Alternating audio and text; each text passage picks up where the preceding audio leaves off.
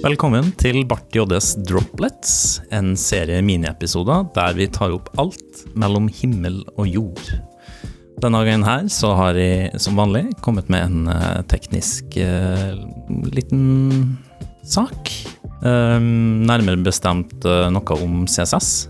Um, jeg er jo Ja, jeg vil, jeg vil si at jeg er ganske glad i å skrive CSS, egentlig. Det, det har jeg alltid syntes har vært eh, artig, selv om jeg ikke den flinkeste, da, nødvendigvis. Men eh, det har på en måte gjort at jeg har blitt en litt sånn eh, purist, da. Liker å skrive alt fra, fra bunnen av sjæl. Skal ikke dra inn noe sånn bootstrap eller noe sånt. Um, men nå har jeg fått lov å prøve meg på noe litt nytt. Um, for på det siste prosjektet mitt så har vi uh, tatt i bruk Tailwind CSS. Som for øvrig kom i versjon 2, eh, sånn type i Ja, i november. Ja, en gang. Forrige år, sikkert. Men i hvert fall, da. Eh, og, og det har på en måte fått meg til å tenke litt, da. For jeg, jeg er glad i å, å skrive CSS-en helt fra bunnen av. Um, men det er mange andre utviklere her ute som ikke er like glad i det som meg, og som kanskje sliter litt mer med CSS. Og, og når vi skal jobbe sammen på team, da, så må man liksom optimalisere mm, CSS-en for hele teamet, da, og ikke bare for han ene som uh, syns det er artig å skrive CSS. Da tenker jeg at eh, et sånt utility first-rammeverk som Tailwind, det kan være med på å ja, på en måte bridge the gap, da. Gjøre det litt enklere for, for alle på teamet. Og så lurer jeg litt på hva, hva syns dere om ja, sånne rammeverk som Tailwind, for eksempel? Utility first. Nå skulle nå Christian Alfonia vært her, da. Ja. Han har laga et TypeScript-bibliotek på toppen av Tailwind som ble tatt over til et stort selskap og greier. Arne. Gjør det ganske mye traction på det. Mm. Han kunne sikkert ha snakka eh, dyptgående om det. Eh, jeg kan snakke fra skepsisen. ja, men det er bra. Nei, altså det, det som jeg sliter med med det, og der har Christian eh, Tryggest, nei, Alfoni har diskutert litt, ja, at um, det, det, er for det er Atom-basert, da. Altså det er en Atom-typen framgangsmåte der du bryter ned ting til den minste komponent, og så kan du komponere det til molekyler eller whatever, og så videre. Um, så i hodet mitt så Jeg vet ikke om det stemmer nå, nå skal jeg gjøre et generelt ut, utsagn, men kompleksitet kan verken oppstå eller forsvinne, det kan bare overføres til andre måter. Det er en hypotese jeg har. Hørtes kjent ut. Ja. Det har jeg tatt utelukkende fra ingenting. ja. uh, og jeg, jeg tror det er litt tilfelle her, da. Det er at vi snakker om kompleksitet. Åpenbart så er ikke det helt sant, for at du har abstraksjonsnivå som forenkler kompleksiteten, men jeg tror poenget her er at du flytter kompleksiteten fra CSS som språk over til komponering av klasser, Mm. som gjør at det blir et annet type kompleksitetsbeist, særlig i samband med eh, vedlikehold. Det er, eh, Tailwind er ikke første eksempelet som har tatt den tilnærmingsmåten her, med å ha fullt av forskjellige eh, navngitte ting som du kan komponere til mer komplekse ting i CSS-klasseverden. Um, og min erfaring er når jeg går inn og skal eh, eh, håndtere det i en eh, kodebase som har levd ei stund, er at det er utrolig enkelt å innføre regresjonsfeil. Mm. Jeg tror samtidig at gitt en god nok eh, komponentarkitektur, så kan du bøte på det. Men jeg tror ikke nødvendigvis det betyr at det å gjøre det rett er, eh, er så enkelt Altså, jeg tror ikke, jeg, jeg tror ikke det at eh, det gjør det enklere, da. Jeg tror det bare gjør det vanskeligere på en annen måte, hvis du skjønner hva jeg mener. Ja, ja nei, men jeg skjønner. Ja.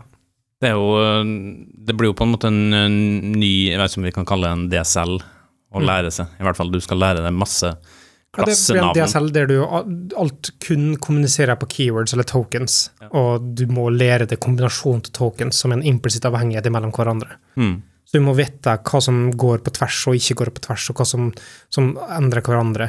Og det er et annet problem, for i det øyeblikket du eh, pakker det over i klassekomponering, så fjerner du eh, i praksis eh, eh, på godt og vondt, må jeg si, så fjerner du spesifisitets- og prioriteringsbehovet. Mm. For I det øyeblikket du har alt som en felles klasse på en komponent, så er det ingenting som sier hva slags prioritet de forskjellige klassene kan ha. Så du kan ha motstridende klasser som gjør to forskjellige ting, og så vet du ikke automatisk hva er det eh, utfallet av det blir. Så kan du aldri si at du burde ikke ha motstridende, men i det øyeblikket du har fullt sånn 300 klassenavn som er SV-40 og S75, og så må du vite hva det betyr, og så må du vite hva det oversettes til. Ehm, da blir det vanskelig å, å visualisere, i hvert fall for mine, da, så blir det vanskelig å visualisere utfallet av det som ender. Så kan du sikkert lære det, da, men, men jeg, sånn, skeptikeren i meg fører til å tenke at jeg er ikke så sikker på at dette er en, en bedre, det er en annerledes måte, men jeg vet ikke om det automatisk er bedre. Noen andre som har noe synspunkt om Jeg skriver helt eh, vanlig, god gammeldags vanilla CSS. Uh, rappa i scoped uh, i view. Uh, det syns jeg funka veldig fint. Eneste forholdet jeg har til Tailwind, er at jeg hørte på en podcast en stund. Jeg lurer på om kanskje det var en av skaperne bak Tailwind som hadde den podcasten. Steve? Og han var veldig glad i å reklamere for Tailwind i hver episode. Mm. og på grunn av det så har jeg heller ikke testa det ut. En av dem som lager, det er to stykker som lager Tailwind. En er han, han som heter Steve. da. Han har en, en serie YouTube og lager en bok som heter Refactoring UI. Der han tar for seg eh, eksisterende sider, og så lager de over til en sånn eh, mer eh, pleasing estetikk på det. Så grunnen til at de sier det på den måten, er for at det er mer grafisk designretta enn det er UX-designretta. Eh, men det er en sånn fin og behagelig søndags eh, eh, YouTube-serie å se på. Eh, liker godt. Men eh, det er altså En annen ting med Tailwind da, det er at i det øyeblikket du standardiserer på den måten, så klarer du å se hva som er en Tailwind-side.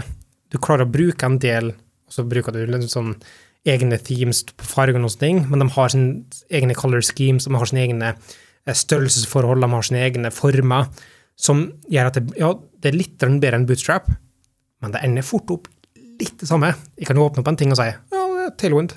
Ja, det, det kan du nok. Det, det, som, er, det som er fordelen med, med Tailwind, er jo at det er konfigurerbart. Da. At det er på en måte de klassene de genereres uh, et build time på et vis, og så kan du da justere på fargepaletten, f.eks., hvis du vil det. Men uh, by default så vil det jo være litt sånn bootstrap-ish, da.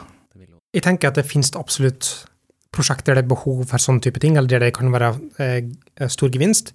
Men så tror jeg samtidig at um, det kan være neks, nesten like mye arbeid som å få til en egen branding, egen kompetent bibliotek, egen type ting som er unikt for ditt brand.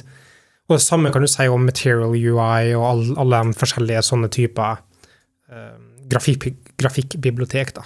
tenker jeg. Mm. Liker du Tailwind, eh, Christian? I, både ja og nei, må jeg si. Um, jeg har et håp om at det At det skal gjøre eh, ting litt enklere for de andre på, på teamet mitt.